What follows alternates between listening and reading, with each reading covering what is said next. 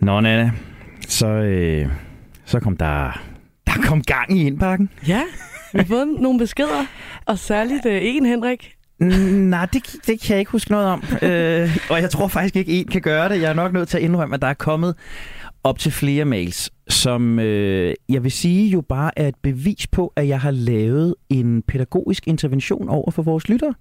Fordi vi talte jo med, øh, med Kasper om, at øh, mennesker har svært ved at forstå store tal. Og der lavede jeg så et pædagogisk eksperiment for at vise, at selv jeg, der er klog og fornuftig, også laver ufornuftige og ukloge udregninger og fejler i tal. Eller også så kunne jeg virkelig ikke finde ud af det. Men Og du jeg- fik øh, demonstreret en pointe.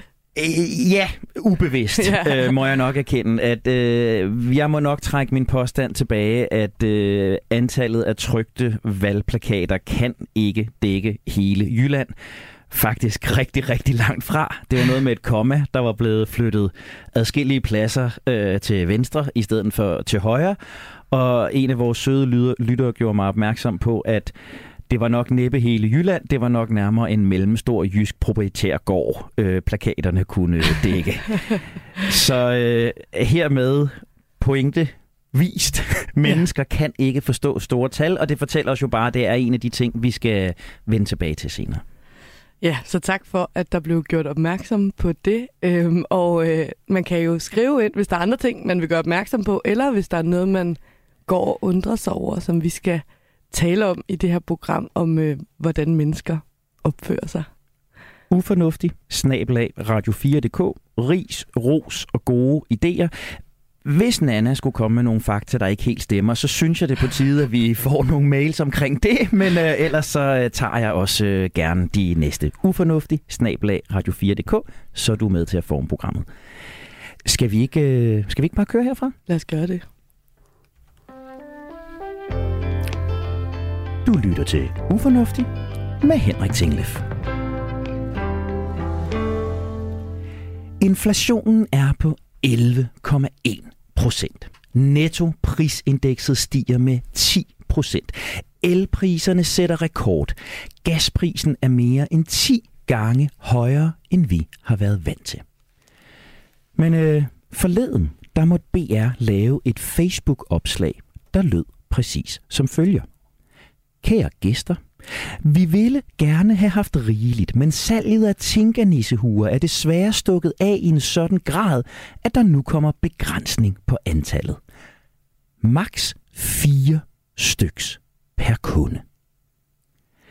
I 2019 der kørte forældre hundredvis af kilometer for at købe selv samme huer og rasede i dagspressen og ikke mindst på sociale medier, når det så alligevel viste sig, at der var udsolgt. Priserne på den blå avis rundede 500 kroner for en rød stofhue. Men ja, der er noget, der tyder på, at vi skal til det igen. Og vi har jo været der før, kan man sige. Kælers jubilæumsvase i 2014, Lidls sko sidste år. Var der ikke også noget med alen lange køer efter faste lavnsboller? Prøv at høre. Vi mennesker, vi har hjerner, der rummer mere end 100 millioner neuroner. Hjerneceller, der kan transmittere data med mere end 350 km i timen. Og disse fantastiske informationsprocessorer, dem bruger vi på at tilkæmpe os ligegyldige pop-up-varer. Det er godt nok ufornuftigt. Hvorfor går vi kloge mennesker shop amok på dummeste vis? Hvorfor ligger lykken pludselig i en vase, eller vores værd som forældre i evnen til at skaffe en nissehue? Men hey, jeg skal ikke gøre mig bedre end andre. Jeg har indkøbt hele to massagepistoler på nettet. Jeg ejer en elektrisk peberkværn, og min indkøb af tøj og gadgets, jeg aldrig har brugt, det vil kunne holde en mindre landsby kørende et års tid. Jeg er også en tilbudshej. Der er intet bedre end to for... Og så er det altså ikke sjældent, at jeg først efter at varen er kørt igennem kassen opdager, at den samlede besparelse var 35 øre. Og så står jeg der med 16 dåser makrel i tomat. Der er kun én ting at sige. Det er da bravende ufornuftigt.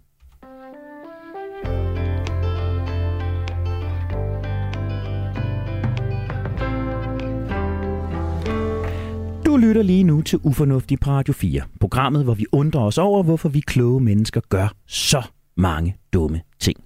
Jeg hedder Henrik Tinglef, og sammen med tilrettelægger Nana Chili Guldborg, der har jeg skruet et program sammen, der i dag handler om det rationelle, intelligente menneskes ufornuftige tilgang til shopping. Vores tendens til at købe det, de andre køber. De tåbelige produkter, vi pludselig bare må have. Latterlige rabatter, der får os til at købe mere, end vi behøver. Og Black Friday Madness. Alt det kigger vi på. Jeg lover dig ikke, at det bliver opløftende. Jeg lover dig ikke, at det vil vise dine bedste sider, eller mine for den sags skyld. Men jeg lover, at det bliver helt igennem menneskeligt. Dagens medvært, det er Sally Kalash. Velkommen til, Sally. Tusind tak. Sally, du er beslutningsteoretiker. Du er partner i den virksomhed, der hedder Behavioral Strategy.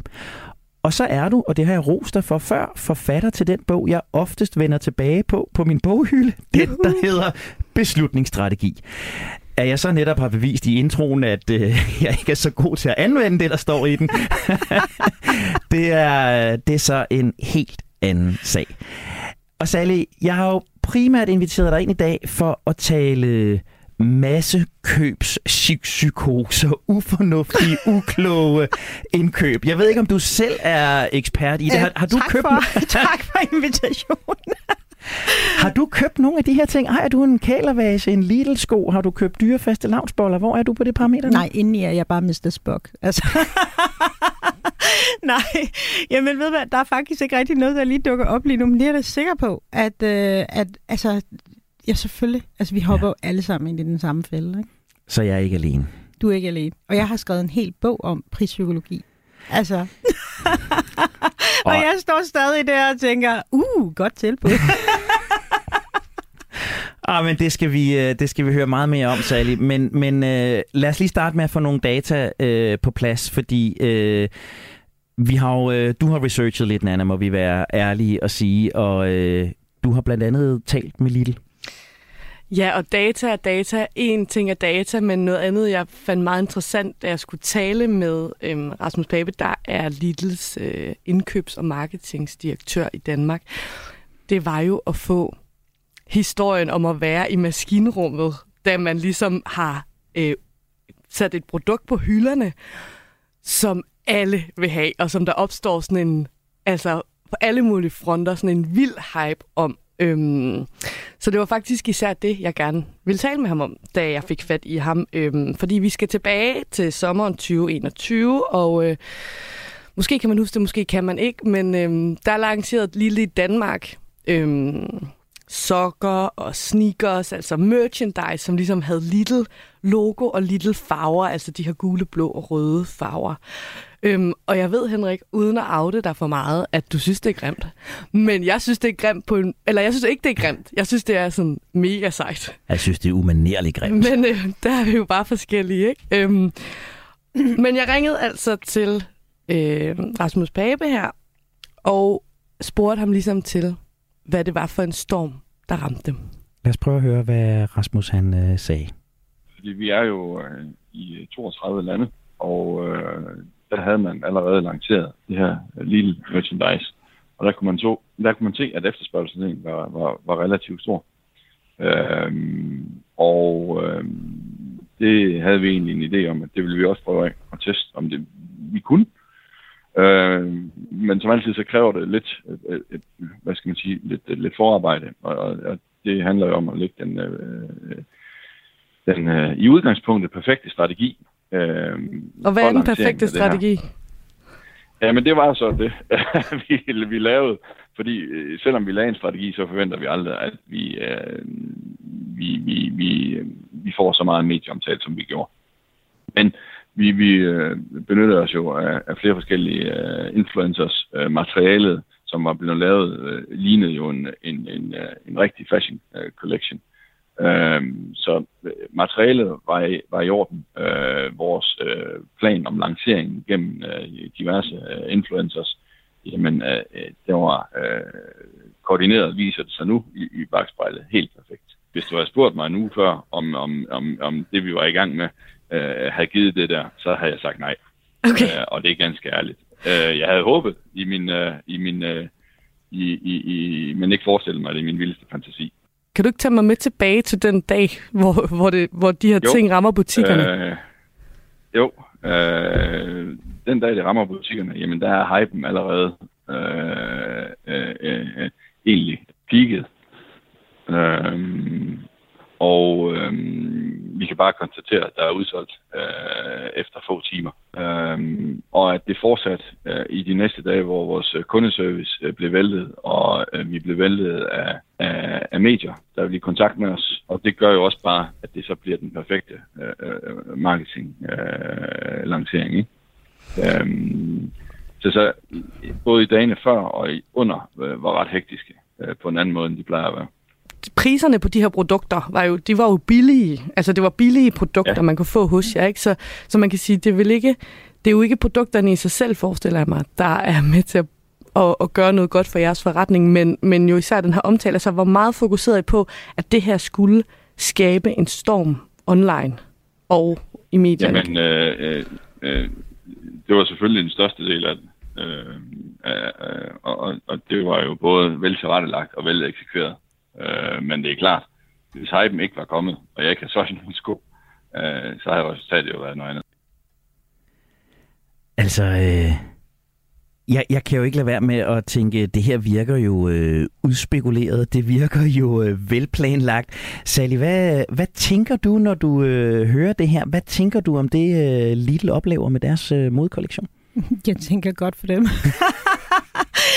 Nå, men jeg tænker også, at øh, altså, det virker jo som om, det, de fik skabt en perfect storm på rigtig mange måder. Ikke? Øh, de fik øh, placeret produkterne på en måde, sådan at det fangede opmærksomhed, og hype går jo også ofte hånd i hånd med sådan knaphedsfaktor, at ja. der er få af dem. Øh, så man har sådan en idé omkring, at man skal skynde sig, og det, der sker, når folk skal skynde sig, det er, at de parkerer den kritiske del af hjernen, og så spænder de bare afsted, for de vil ikke være udenfor. Det er jo, altså, det er jo virkelig associeret med følelsen af FOMO, altså fear of missing out. Så man skynder sig hen, og jo flere, der skynder sig hen, jo flere er der, der begynder at skynde sig, og så har du jo pludselig en bevægelse omkring nogle, hvad er det, sko, ikke? Det jo, altså, det jo vitterligt. Sko, sokker og meget, meget, meget grimme t-shirts, og vist også nogle træningsbukser. Nå, okay. Jamen, det var, ja, altså, så er det jo full package, altså. så det er jo, altså, i princippet er det jo ikke, det er jo ikke, fordi der er så mange mekanismer i spil, men de er bare utrolig effekt, effektive, når det er, Ja. de først kommer i spil, ikke? Ja. Ja. Jeg kunne ikke lade være med at tænke, at, at han nævner den her brug af influencers, og, og, og som sådan en gammel socialpsykolog som mig, der interesserer sig lidt for autoritetstro, og hvordan vi indretter os efter, hvad autoriteter gør. Altså, influencers har vel på en eller anden måde i dag fået sådan en autoritet over for øh, mange mennesker, ikke? Altså, vi har jo øh, studier, der viser, at autoriteter kan få os til at give andre mennesker dødelige stød. Vi har, øh, har forsøg, der viser, at vi kan få sygeplejersker til at give dødelige doser medicin til, til patienter. Vi har studier, der viser, at ledere, der taler negativt om søvn, kan få deres medarbejdere til at sove mindre. Men vi har altså også nogle influencer her, der vil at sige, jeg kan lide denne her sko, for en masse mennesker til at gøre det. Er det så nemt? Ja, det er det da. Altså, og det er, jo, det, er jo, det er jo det, der er sjovt. Altså, det handler jo også om at finde nogle influencers, som folk, som altså, i bred forstand kan identificere sig med, eller den målgruppe, man nu engang markedsfører sig overfor. Øhm, altså, man kan jo se, altså, nu er jeg jo, min baggrund som forsker, jeg er utrolig glad for eksperimenter. Øhm, og der kan jeg huske, at øh, på mange af de universiteter i USA, som jeg har gået på, så lavede man jo de her eksperimenter, hvor at man skulle prøve at se, om kunne man få folk til at snyde i klassen til eksamener. Så man skabte nogle rammer, der gjorde, at det var utrolig nemt at snyde. Man skulle, du ved, svare på en multiple choice, og så skulle man bagefter tilbage ind i rummet, og så skulle man makulere det her stykke papir, så ingen vidste, hvor meget du havde fået rigtigt. Øhm, og så bagefter, så kunne du gå op og sige, jamen jeg, vil, jeg, jeg, har, jeg har svaret rigtigt på det hele, jeg har svaret rigtigt på x antal. Og der kunne man simpelthen se, hvis du satte en person ind i rummet, som havde øhm, samme skole-t-shirt eller cardigan, som den skole, du gik på. Og det var ret tydeligt, han snød, fordi han brugte 30 sekunder på øvelsen og sagde, hey, jeg er færdig, jeg har fået det helt rigtigt. Så var der markant større sandsynlighed for, at folk de ville snyde. Hvorimod, hvis at personen havde, altså nu gik jeg på Harvard, altså hvis det var en MIT, uh, der sad der i rummet, øh, og sagde, uh, jeg er færdig, jeg har fået alt rigtigt, øh, så var der markant mindre sandsynlighed. Der er et eller andet med, at vi gerne vil identificere os med nogle personer, opføre os ligesom dem, som vi føler, vi er en gru- i gruppe med. Så hvis du finder nogle influencers, hvor du tænker, det her, det tror jeg passer meget godt til vores målgruppe, og det virker som om, det havde Little fået fat på. Ikke? Det virker det i den grad til, ja. Øhm, så er der jo nogen, der siger, det her det er bare, det er shit. Altså, det er for fedt. Ikke? Altså, du kan ikke leve uden det her. Og hyper den del af det op, så er der jo flere, der, der tænker, jamen jeg vil være ligesom ham, eller jeg føler mig ligesom ham, der tænker, jamen så skal jeg da også have det. Jeg skal da være en del af den flok, ikke? Eller jeg er en del af den flok, og her er min uniform til at bevise det, ikke? Så det giver jo super god mening, at man bruger de her influencers, men man skal jo være øh, kritisk i forhold til, hvem er det så, at lave en ordentlig match til sin målgruppe. Er det samme mekanisme, når der opstår alen lange køer uden for en øh, øh, sådan modebagerier i, øh, i Indre By i København og Aarhus, hvor jeg plejer at sige, at vi er villige til at give 65 kroner for middel mod et bagværk. Men, men når vi ser alle de andre fra den kreative klasse, der er klædt ligesom os og har høvding øh, cykelhjelmen, som ikke er en hjelm omkring øh, nakken, stå der og vente på den helt rigtige croissant, så er der en fear of missing out, der er et ønske om at høre til, der er et ønske om at identificere os med det, og så liner vi op bag dem. Er, er det samme mekanisme? Ja, ja, det giver jo i meget, meget høj grad mening, det er det samme. Og, men så er der også en nysgerrighed, ikke? Altså, what's that about, ikke? Altså, jeg kan huske, nu bor jeg på øh, i Inderby, der var der buka bæreri der, altså, hvor man også bare tænkte, hvad fanden, altså, ja. eller hard, altså, ja. uno bæreri, hvad, altså, hvad sker der med de der? Så der er jo lige sådan første gang, hvor man tænker, ej, skal du lige tjekke det der ud? Det virker helt absurd. Men der er jo også, altså, man gør jo ligesom alle de andre som man minder om. Ikke? Øh, det er jo derfra, man har hørt det i øvrigt. Ikke? Så øh, valgfarter man og køber, altså, jeg ved ikke, fast alarmsboller. Det er stukket Præcis. helt af. Det stak fuld. Jamen, det gjorde det. Det ja. stak helt af. Ikke? Det kan vi godt, ikke? Altså, de der coronakilo, det var fast alarmsboller. det var der fast alarmsboller. Uh, I blame the bakeries. I blame the bakeries. Jeg er, jeg er med dig all the way. Jeg tænker, øh, jeg tænker, vi skal lige høre om, om min yndlingshistorie også. Altså den, som jeg oftest vender tilbage til. Det, der for mig er topmålet af ufornuftig adfærd hos ellers øh, fornuftige mennesker. Altså, vi kan sende Andreas Mogensen langt, langt ud i øh, galaksen, men vi kunne lægge internettet ned for at få fat i en vase. Nana, du har kigget lidt ind i det. Giv os lige et par, par ord på det. Ja, og jeg tror, ja, uden at afsløre for meget, så, øh, så er det jo lidt det samme. Altså, det er en anden fortælling, og det var en anden tid, men, øh, men så da jeg lavede de her to øh, interviews, øh, der øh, tænkte jeg, Nå, men det er bare en til en den samme øh, mekanisme, der går i gang. Det må vi øh, blive klogere på bagefter.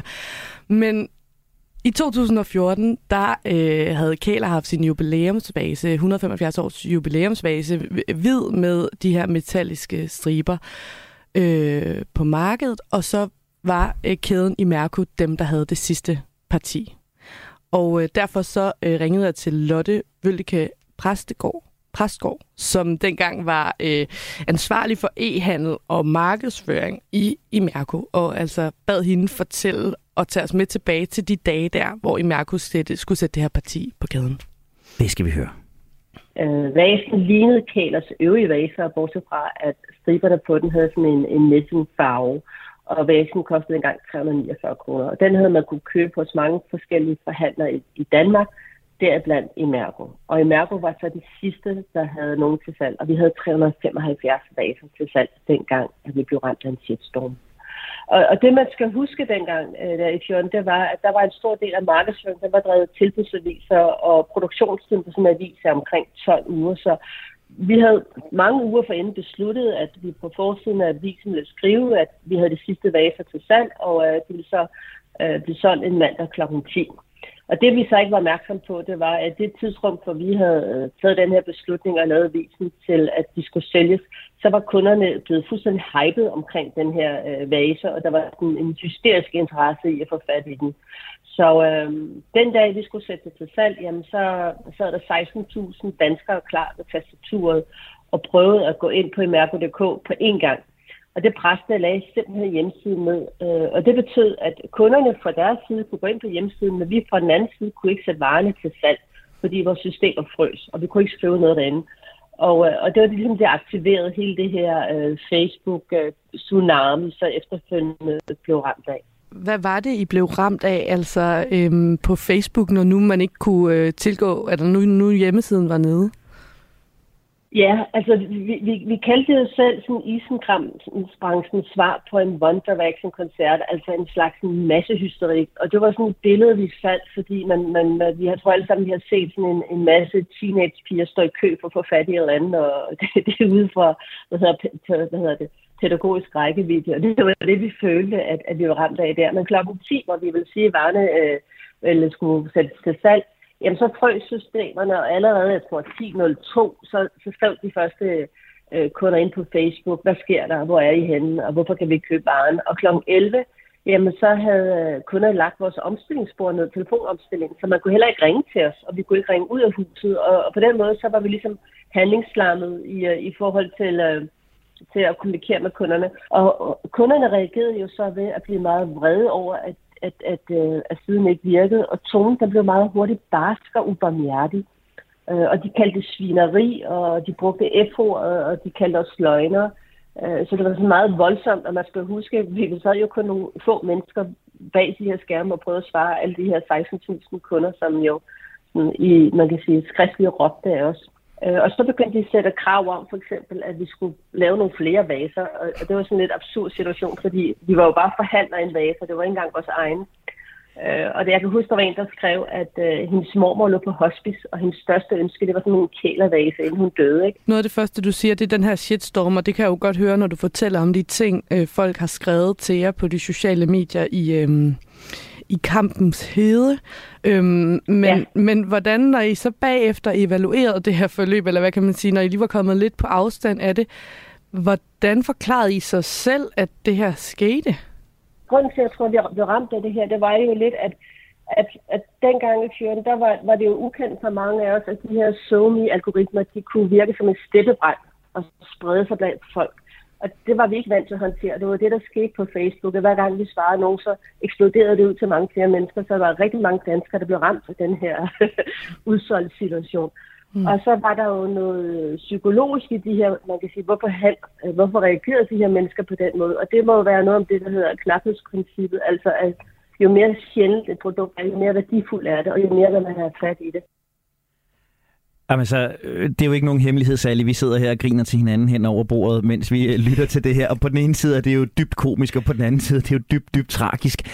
Øh, hvad er det, der får velvoksne mennesker til at gå så meget op i en vase, at de begynder at lægge øh, hjemmesider, Facebook-sider, omstillingsspor ned og fortælle historier om deres døende mostre på, på hospice. Hvad er det for en psykose, der går i gang her? Ej, jeg sidder faktisk lige og tænker på, hvor kunne det være underholdende at prøve at interviewe nogle af de folk, der har skrevet nogle af de her beskeder tilbage i 2014, sådan rimelig mange, altså her otte år siden, og sige, ja. kan du huske, hvad var det, der skete? Kan du prøve at beskrive den følelse, du var i?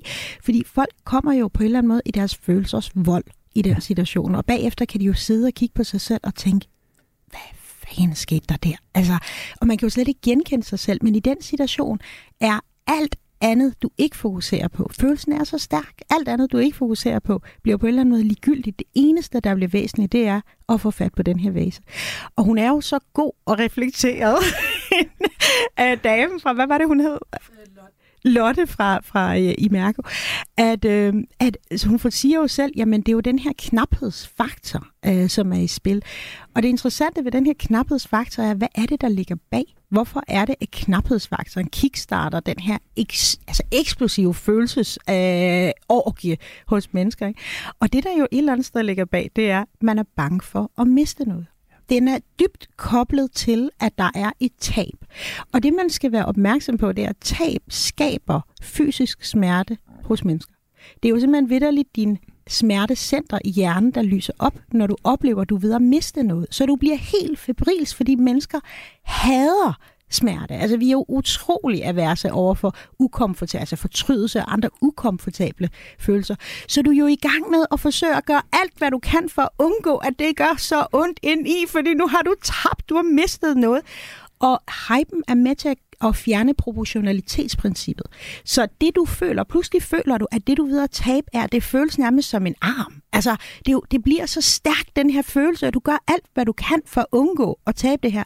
Og så sidder du bagefter når det hele er slut og tænker, what the fuck? Så kære lytter, vi øh, køber øh, halvgrimme sneakers og sokker. Vi køber ellers pæne jubilæumsvaser i en ros for at undgå smerte i en frakoblet rationalitet. Nu skal vi over til rationaliteten. Der er nyheder her på Radio 4.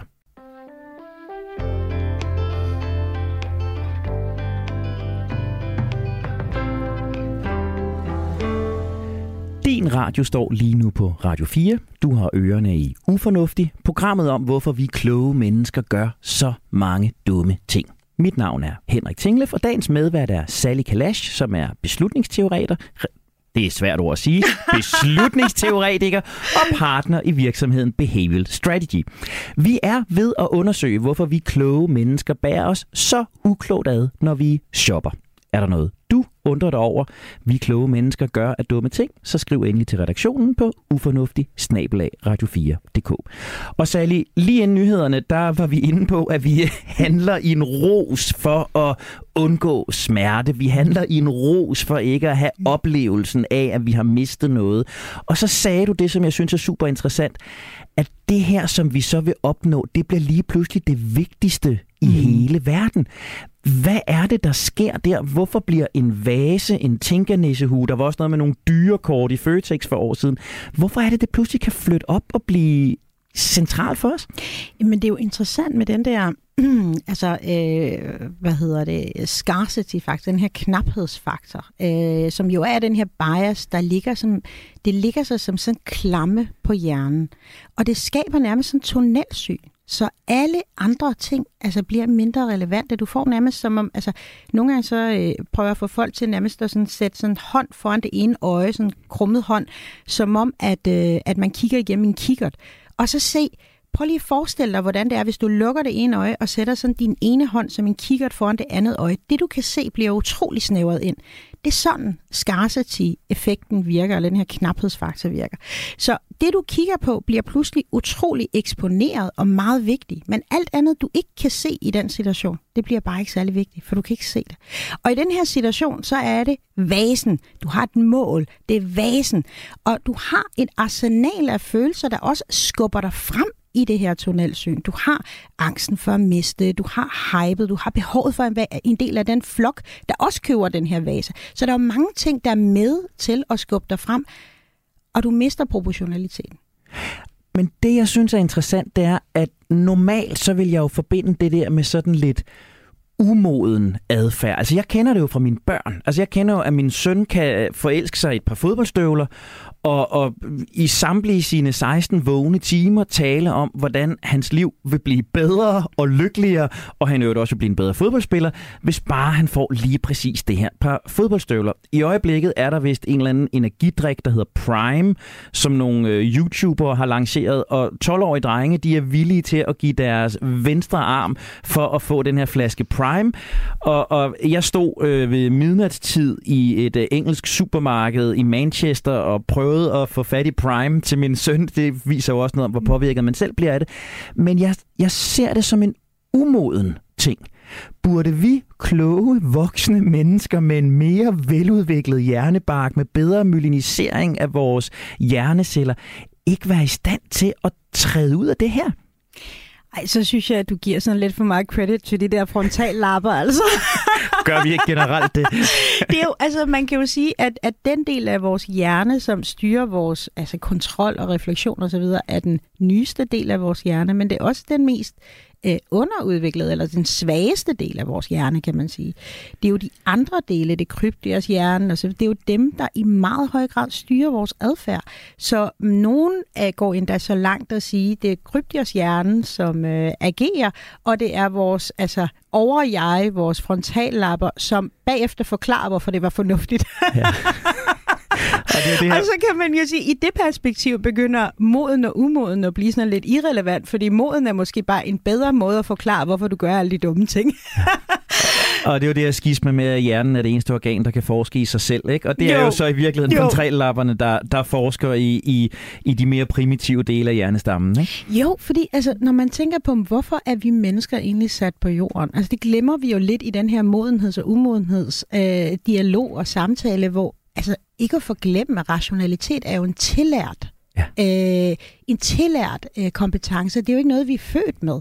Så vi øver os i at være rationelle. Det er ikke noget, vi er født med fra naturens hånd.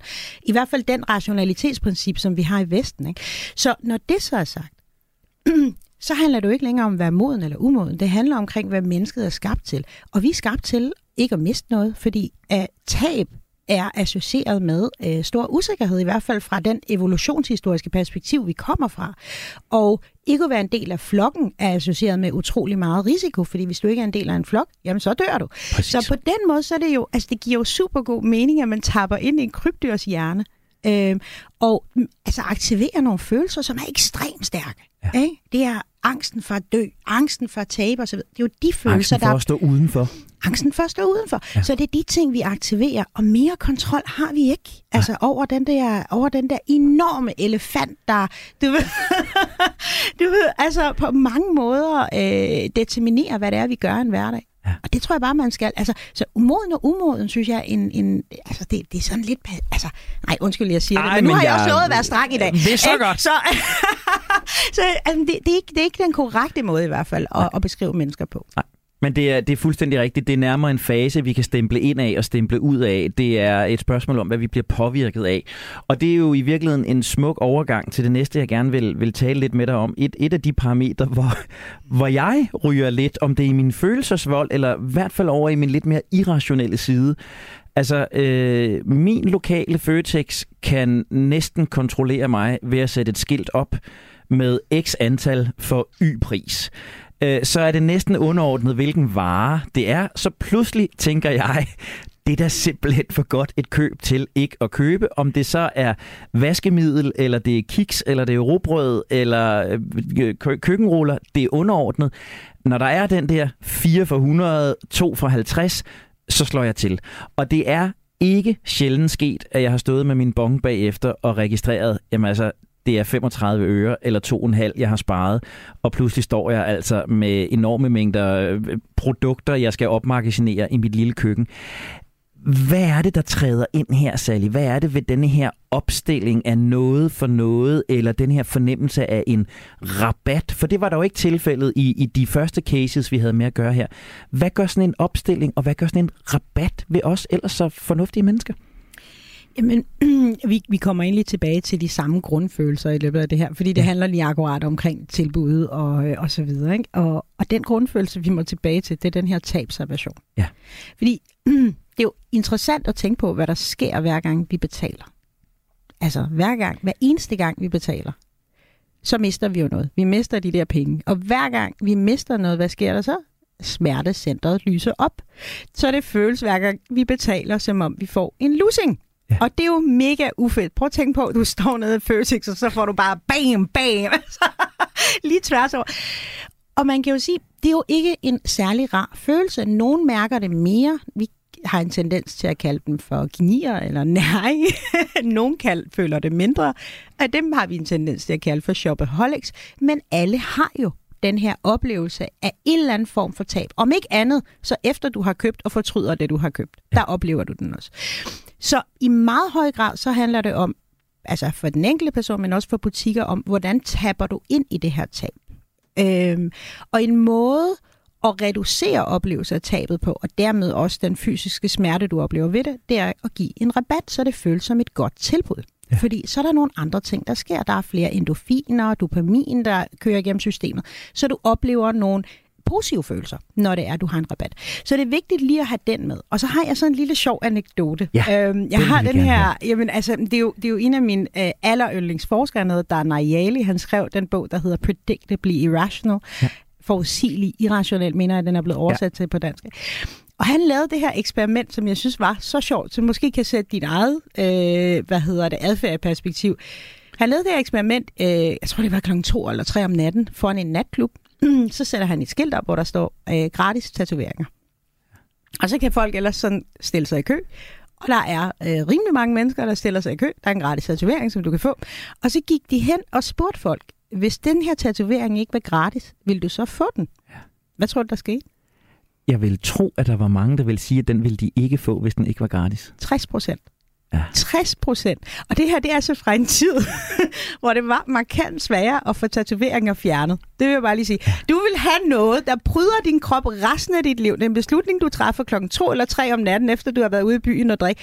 Men i den situation, når man stiller dig spørgsmål, vil du få den, hvis den ikke var gratis? Ej, 60 procent. 6 ud af 10 vil ikke få den. Altså, og det synes jeg sætter det utrolig meget i perspektiv i forhold til, hvad oplevelsen af gratis eller tilbud endda gør. Gratis er meget mere effektiv end tilbud, men ja. i Danmark har vi noget markedsføringslov i forhold til gratis, som ja. jeg synes er super fornuftigt. Øh, men, men der er noget omkring det her tilbud, fordi du fjerner oplevelsen af tab. Og, det, og, det, det, og det, det, det leder mig jo ind på noget, som, som vi jo godt kan afsløre. Vi to, vi øh, sad og snakkede lidt om over kaffen her, inden vi, øh, vi tændte mikrofonerne at, at man kan jo godt få en idé om, når vi hører det her, når vi, når vi hører, hvordan Lidl har planlagt det her med, med influencers, når vi hører om, hvordan man øh, kombinerer, øh, her er en oplevelse, som gør, at du får mindre smerte, altså, så kan man jo godt få sådan en idé om, at, at jeg er bare en rotte, der løber ind i en labyrint, og så øh, sidder Selling Group eller Coop eller hvem det nu er og, og styrer mig ved at lave to for 10 øh, herover og øh, tre forskellige produkter med en høj midterpris, der gør, at jeg vælger den dyreste, eller hvordan det nu er, det trick er, og noget, der står på den øverste hylde, som er dyrere end det, der står på den nederste hylde, og slikket tættest ved kassen. Altså, er du og jeg bare avanceret øh, rotter, Sally, eller bliver det ikke på et eller andet tidspunkt forstyrret for meget? Hvornår hopper vi rotter ud af den der labyrint? Jeg tror også, altså i, i det perspektiv, øh, og hvis jeg forstår dit spørgsmål rigtigt, eller hvis jeg vælger at tolke den på den måde, jeg har lyst til at svare på den. Det synes jeg, du skal gøre, fordi det var jo i virkeligheden bare en konstatering af en forundring. Altså, og der må man jo også sige, når vi laver de her tricks, altså de her tricks, som vi gør. Øh, dels når vi forsker og tester, når virksomheder sætter øh, Black Friday-tilbud op og måler deres altså, øh, konvertering på salg osv., så, videre, så er det utroligt kortsigt. Øhm, og jeg tror ikke, hvis du stopper, lad os sige 10 mennesker på gaden og spørger dem, tror du alle Black Friday-tilbud er helt oprigtige? Jeg lurer mig om 10 ud af 10 vil sige, ej, der er så meget snyd i det der. Og jeg tror, at den skal man lige have med sig, både som altså, en virksomhedssamfund, øh, samfund, men også som enkel virksomhed, at det, der sker, er, det kan godt være, at du får en kortvarig øh, konvertering, men du får en langvarig skepsis. Og når vi begynder at kigge på, hvad er det, der gør, at det er svært at få loyalitetsklubber til at virke? Hvad er det, der gør, at det er svært at få loyale kunder? Hvorfor er det, folk de shopper rundt osv.? Så, så synes jeg, man lige skal tænke tilbage på den sidste adfærd, man havde, hvor man lavede et eller andet 4 for 10, og så gik kunden ud bagefter, kiggede på sin bong og tænkte, fuck mand, jeg har kun sparet 35 øre den der følelse af øv, den sætter sig i kroppen. Og det kan godt være, at du næste gang også falder i den, og næste gang også falder i den, men på et tidspunkt lærer du at være skeptisk, når du står der og kigger på 4-10. Ja. Fordi du ved, at på en eller anden måde har de ikke dit bedste interesse for øje. De er ikke i gang med at gøre det godt for dig og godt for dem. De er i gang med at gøre det godt for dem. Og det lærer man noget af. Man lærer i hvert fald ikke loyalitet i forhold til den enkelte kunde. Så de der klassiske dyder om at opføre sig ordentligt som en virksomhed og sætte nogle tilbud, der faktisk giver mening, både for dig selv, men også for den enkelte kunde, de er ikke passé. Og nogle gange så i en verden af adfærdsøkonomi og design og growth hackers, så tænker vi, at det er forbi, og nu handler det bare om den der pose fyldt med tricks, og det gør det ikke. Man kommer, på den lange bane kommer man meget længere i opførselsordentligt. Ja. Jeg har sådan en, en oplevelse omkring det, som, som, øh, som jeg vil prøve at dele med dig. Og igen, det er ikke sikkert, det udmunder i et spørgsmål, men, men øh, som, øh, som socialpsykologisk interesseret, så øh, noget af der, hvor jeg sådan oftest reflekterer over det her, det er, når jeg for eksempel booker hoteller så øh, er alle de her booking sites, de er jo meget hurtige til at fortælle dig, hvor mange der har kigget på det her værelse, og hvor mange der har købt det her værelse inden for de sidste 24 timer eller sidste øh, 12 timer. Og så er de også meget hurtige til at fortælle dig, at der kun er et tilbage til denne pris, eller to tilbage til denne pris, eller hvad det kan være.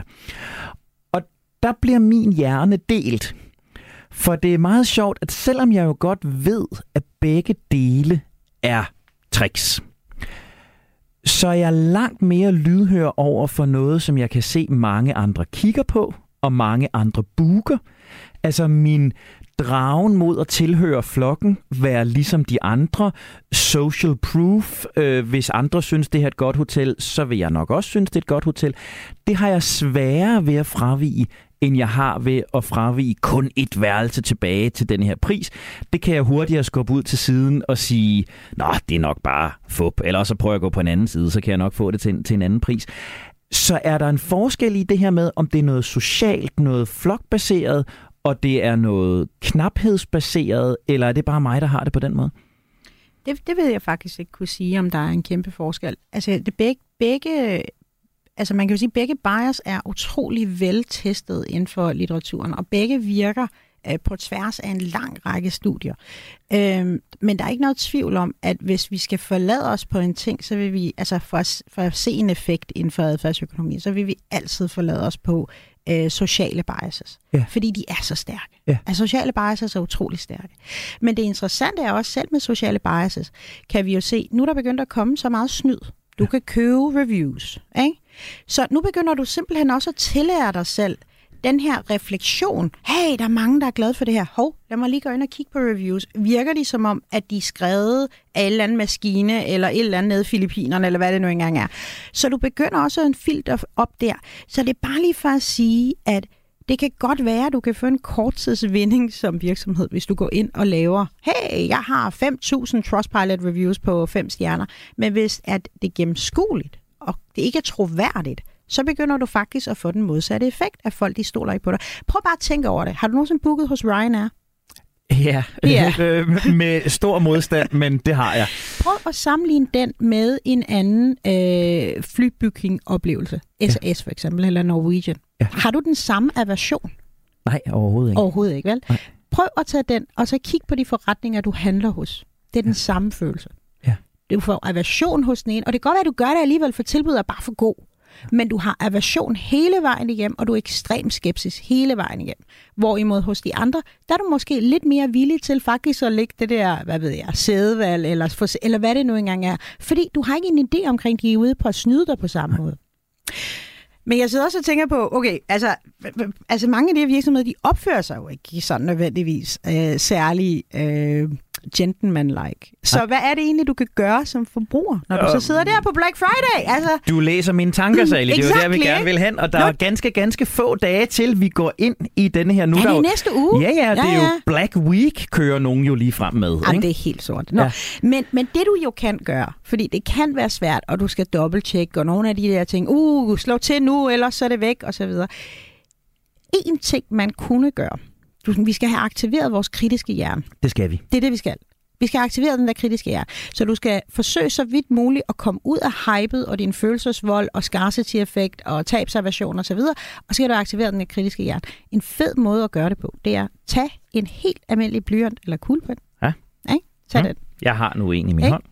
Du kender godt det der trick med, at du kan sætte den ind i din mund sådan vertikalt, og så smiler du, ikke? Mm. Det, det, det gør det du nu. god radio, det her. det er virkelig god radio. det minder mig om min barndoms Kai og Andrea. Det her, det skal du ikke gøre. Du skal ikke proppe den ind i munden, så du smiler, fordi så betyder det, så, så minimerer du nemlig din kritiske sans. Du skal sætte enden af blyanten ind i din mund. Mm. Det har jeg nu gjort. Det har du nu gjort.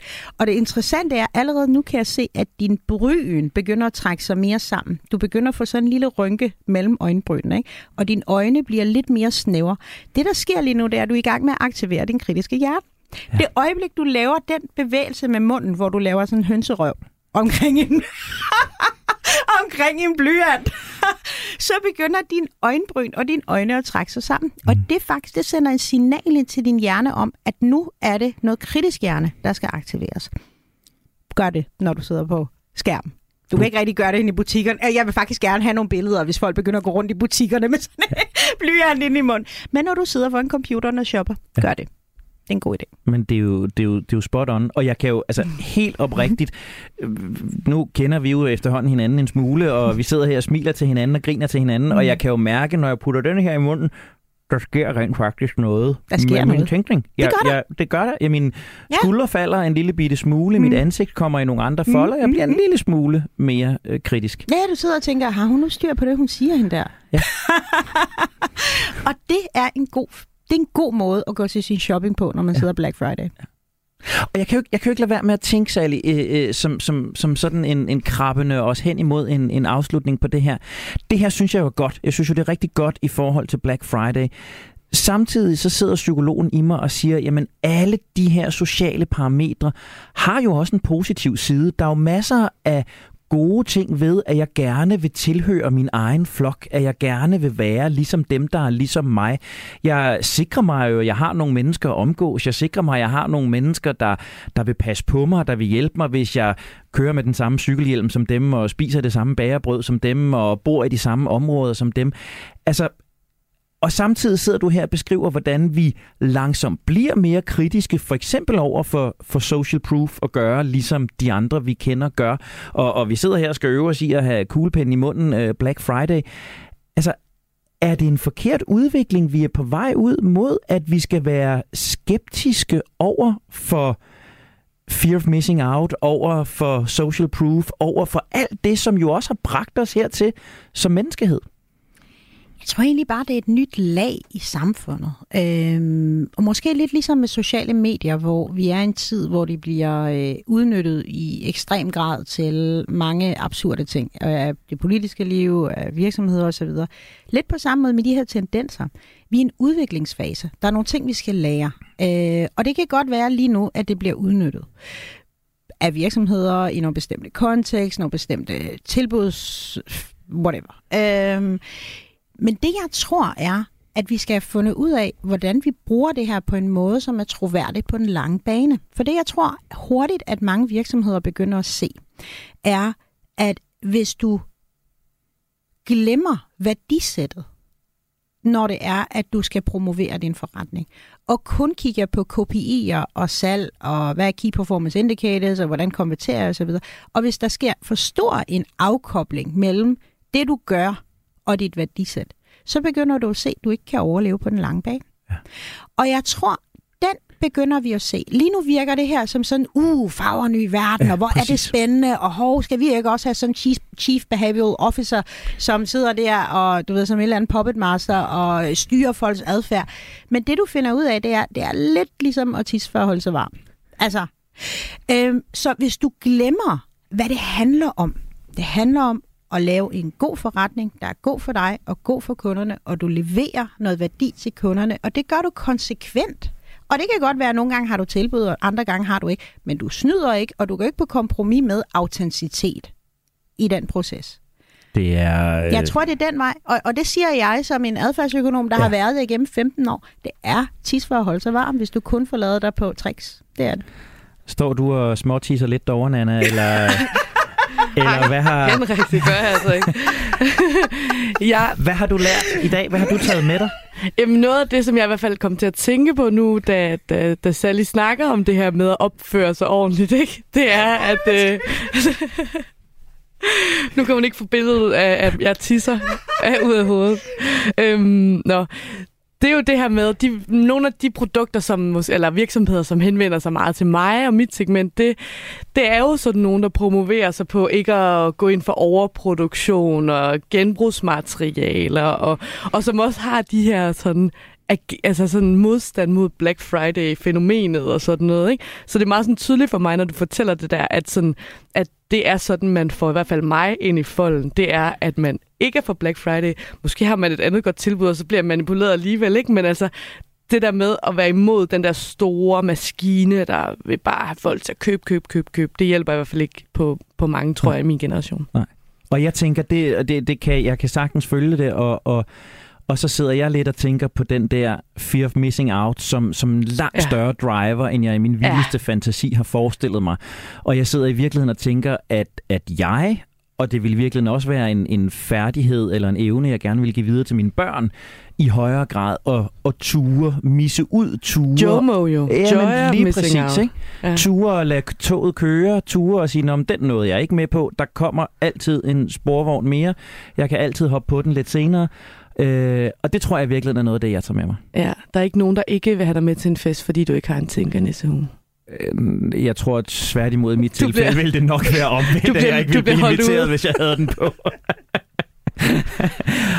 og således øh, oplyst og opløftet Sally Kalash, tusind, tusind tak, fordi øh, du var med. Du har lovet os, du vender tilbage senere i øh, programforløbet. Jeg tænker, der vil være en uudtømmelig kilde af ufornuftige beslutninger, vi skal tale om. Tusind tak, fordi du var med i dag. Tak, fordi jeg måtte være her.